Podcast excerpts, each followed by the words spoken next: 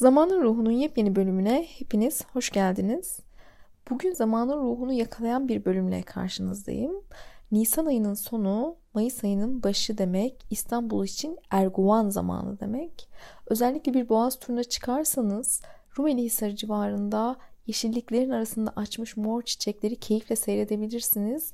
İstanbul'u erguvanlar kaplar.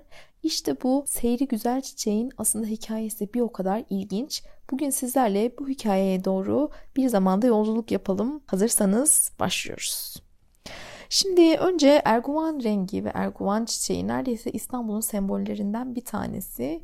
Vakti gelince açıp İstanbul'u mora boğmayı ve kendini seyrettirmeyi çok iyi bilen bir çiçek. Aynı zamanda bu çiçek çok meşhur ve çok ilginç bir hikayesi var. Düşünün öyle bir hikayesi var ki ben size onu anlatırken hem Bizans İmparatoriçesi Theodora'dan hem İsa'yı ihbar eden hain Yahuda'dan hem de Emir Sultan'dan bahsedeceğim. Bu tarihin üç farklı ve birbirine hiç benzemeyen figürünü aslında bir araya getiren hikayeye sahip bu zarif ağaç. Önce isterseniz isminden başlayalım. İsmi Akatçadan geliyor. Yani ölü bir dilden geliyor aslında. Argamon kelimesinden geliyor. Farsçada da arguvan kelimesiyle ifade ediliyor. Aslında işte bugün bizim de kullandığımız erguvan kelimesinin farklı versiyonları. Nohut ve fasulye alınmasın ama kendisi aslında ağaç olarak baklagiller familyasına ait bir ağaç. Yani düşünün baklagillerden bir tanesi bu kadar güzel açıp gözlere hitap edebiliyor. Artık nohutlar utanır mı bilmem. Kendisinin mevsimi Nisan sonu ve Mayıs başı gerçekten çok kısa bir süre İstanbul'u süslüyor. Sonra da çiçeklerini döküp sessizliğe gömülüyor diyebiliriz miyiz? Şimdi erguvanın rengi çok hoş bir renk. Kendine özel bir mor, işte mor, kırmızı, mavi karışımı değişik bir tonu var. Ve bu ton ta antik Mısır'dan Roma İmparatorluğu'na ve oradan da hatta işte bizim Bizans dediğimiz aslında Roma'nın e, devamı olan imparatorlukta asillerin rengi olarak biliniyor. Bakın bugün dikkat edin hiçbir ülkenin bayrağında mor renge rastlayamazsınız. Çünkü 1800'lerin öncesinde yani bu renk yapay olarak elde edilmeden önce çok zor üretilen bir renkti. Yani şöyle diyorlar 16. yüzyılda İngiltere'de erguvan rengi boya kendi ağırlığının 3 katı altın fiyatına satılıyordu. Neden? Çünkü erguvan rengini üretmek çok zor. Erguvan rengi dünyada tek bir şekilde üretiliyordu. O da özellikle Lübnan kıyılarında çıkan bir deniz kabuklusundan elde ediliyordu. Anlatılanlara göre iki şekilde e, bu renk üretiliyor. Birincisi maalesef ama maalesef bu deniz kabuklusunu taşlara sürterek ondan mor rengi elde ediliyordu. Diğer elde edilme şekli de yine bu deniz kabuklusunun böyle kurşun kazanlar içerisinde tuzla kaynatılmasından sonra mor renk elde ediliyordu. Tabi üretimi bu kadar pahalı olunca çok ayırt edici bir renk hale geliyor ve bunu sadece asiller kullanıyor. Bizans'a gelince de bu sadece imparatorların kullandığı bir renk haline geliyor. Şöyle ki Bizans'ta bunu üreten ve kumaşını dokuyan iki tane lonca var. Bunlar hemen İmparatorluk Sarayı yanında e, yer alıyorlar ve bunların saray dışında bir yere satış yapmasının sonucu ölüm. Satın almanın sonucu da ölüm. Çünkü bu renk sadece imparatorlara layık bir renk. Tahtaki bir imparatordan doğan çocuklara Bizans'ta Porfirayonitus ünvanı veriliyordu. Bu mor odaya doğanlar demek. Gerçekten Bizans imparatoriçeleri doğumlarını tamamen mor kumaşlarla kaplı bir odada yapıyorlardı. Aynı zamanda Bizans imparatorları mor pelerin giyerlerdi ve bu onların ayırt edici özellikleriydi.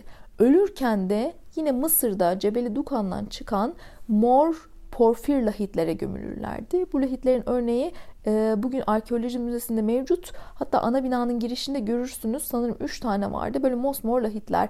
Mor odada doğar, mor giyer ve mor lahitlere gömülerek aslında imparatorluğun tüm ihtişamını üzerlerinde taşırlardı. Şimdi Teodora'ya geleceğim. Hani biliyorsunuz ünlü Nika isyanı var. Bütün İstanbul'un yakılıp yıkıldığı, daha sonra Ayasofya'nın hatta ikinci Ayasofya'nın yakıldığı ve bugünkü aslında Ayasofya'nın yapılmasına da bir şekilde olan Nika isyanında Bizans İmparatoru Justinianus kaçmaya karar vermişti. Kadırga Limanı'ndan gemilerle. Teodora onun toplantı yaptığı odaya girerek ona demişti ki benim bu erguvani pelerini çıkardığım gün zaten öldüğüm gündür. Ben hiçbir yere gitmiyorum demişti. İşte o erguvani pelerin aslında imparatorun imparatorluğun sembolüdür. bir imparator ya da imparatoriçe için onu çıkarmak, tahtı kaybetmek aslında hayatını kaybetmekle eşdeğer. Bu açıdan çok önemli bir renk olduğunu söyleyebiliriz hükümdarlar açısından. Şimdi biz ağacımıza geri dönersek bu güzel ağaçta tabii bu asil rengi taşıdığı için İstanbul için çok önemli, çok değerli. Çünkü bir taraftan da imparatorluğu temsil ediyor. Peki bu mor rengi nasıl almış aslında?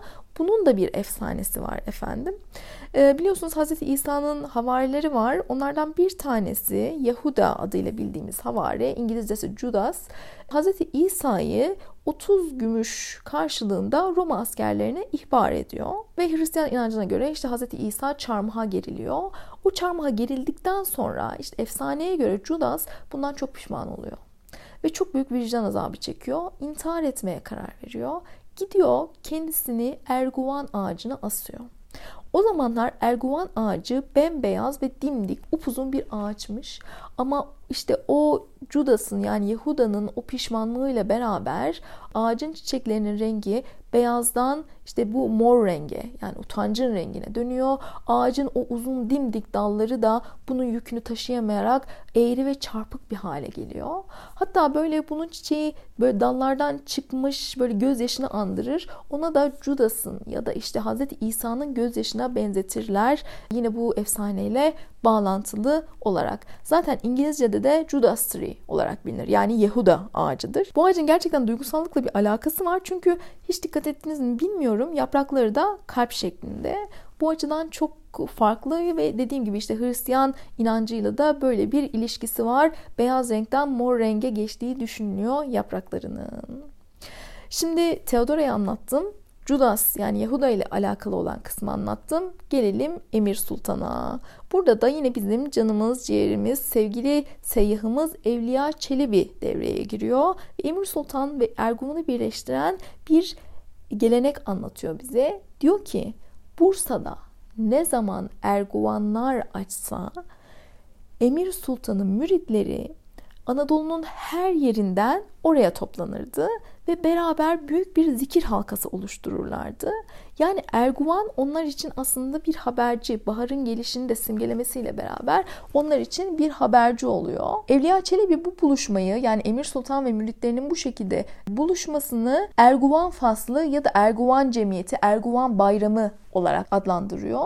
Bu gelenek 14. yüzyıldan başlamış, aralıksız devam etmiş ve 20. yüzyıl ortalarına kadar aslında varlığını sürdürmüş. Bir ara unutulmuş tabii ama şimdi tekrar böyle yavaş yavaş canlandırılmaya çalışılıyor.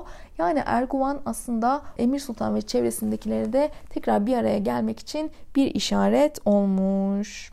İşte Erguvan'ın aslında kısa hikayesi böyle. Hem Bizans'ta hem işte Hristiyan tarihinde hem de Emir Sultan'la alakalı anılarda Erguvan yerini almış. Şimdi vaktini kaçırmadan siz de böyle zamanın ruhunu yakalamak isterseniz hemen bir boğaz vapuruna atlayın ve Erguvanları seyrederek kendinize harika bir gezi armağan edin diyorum.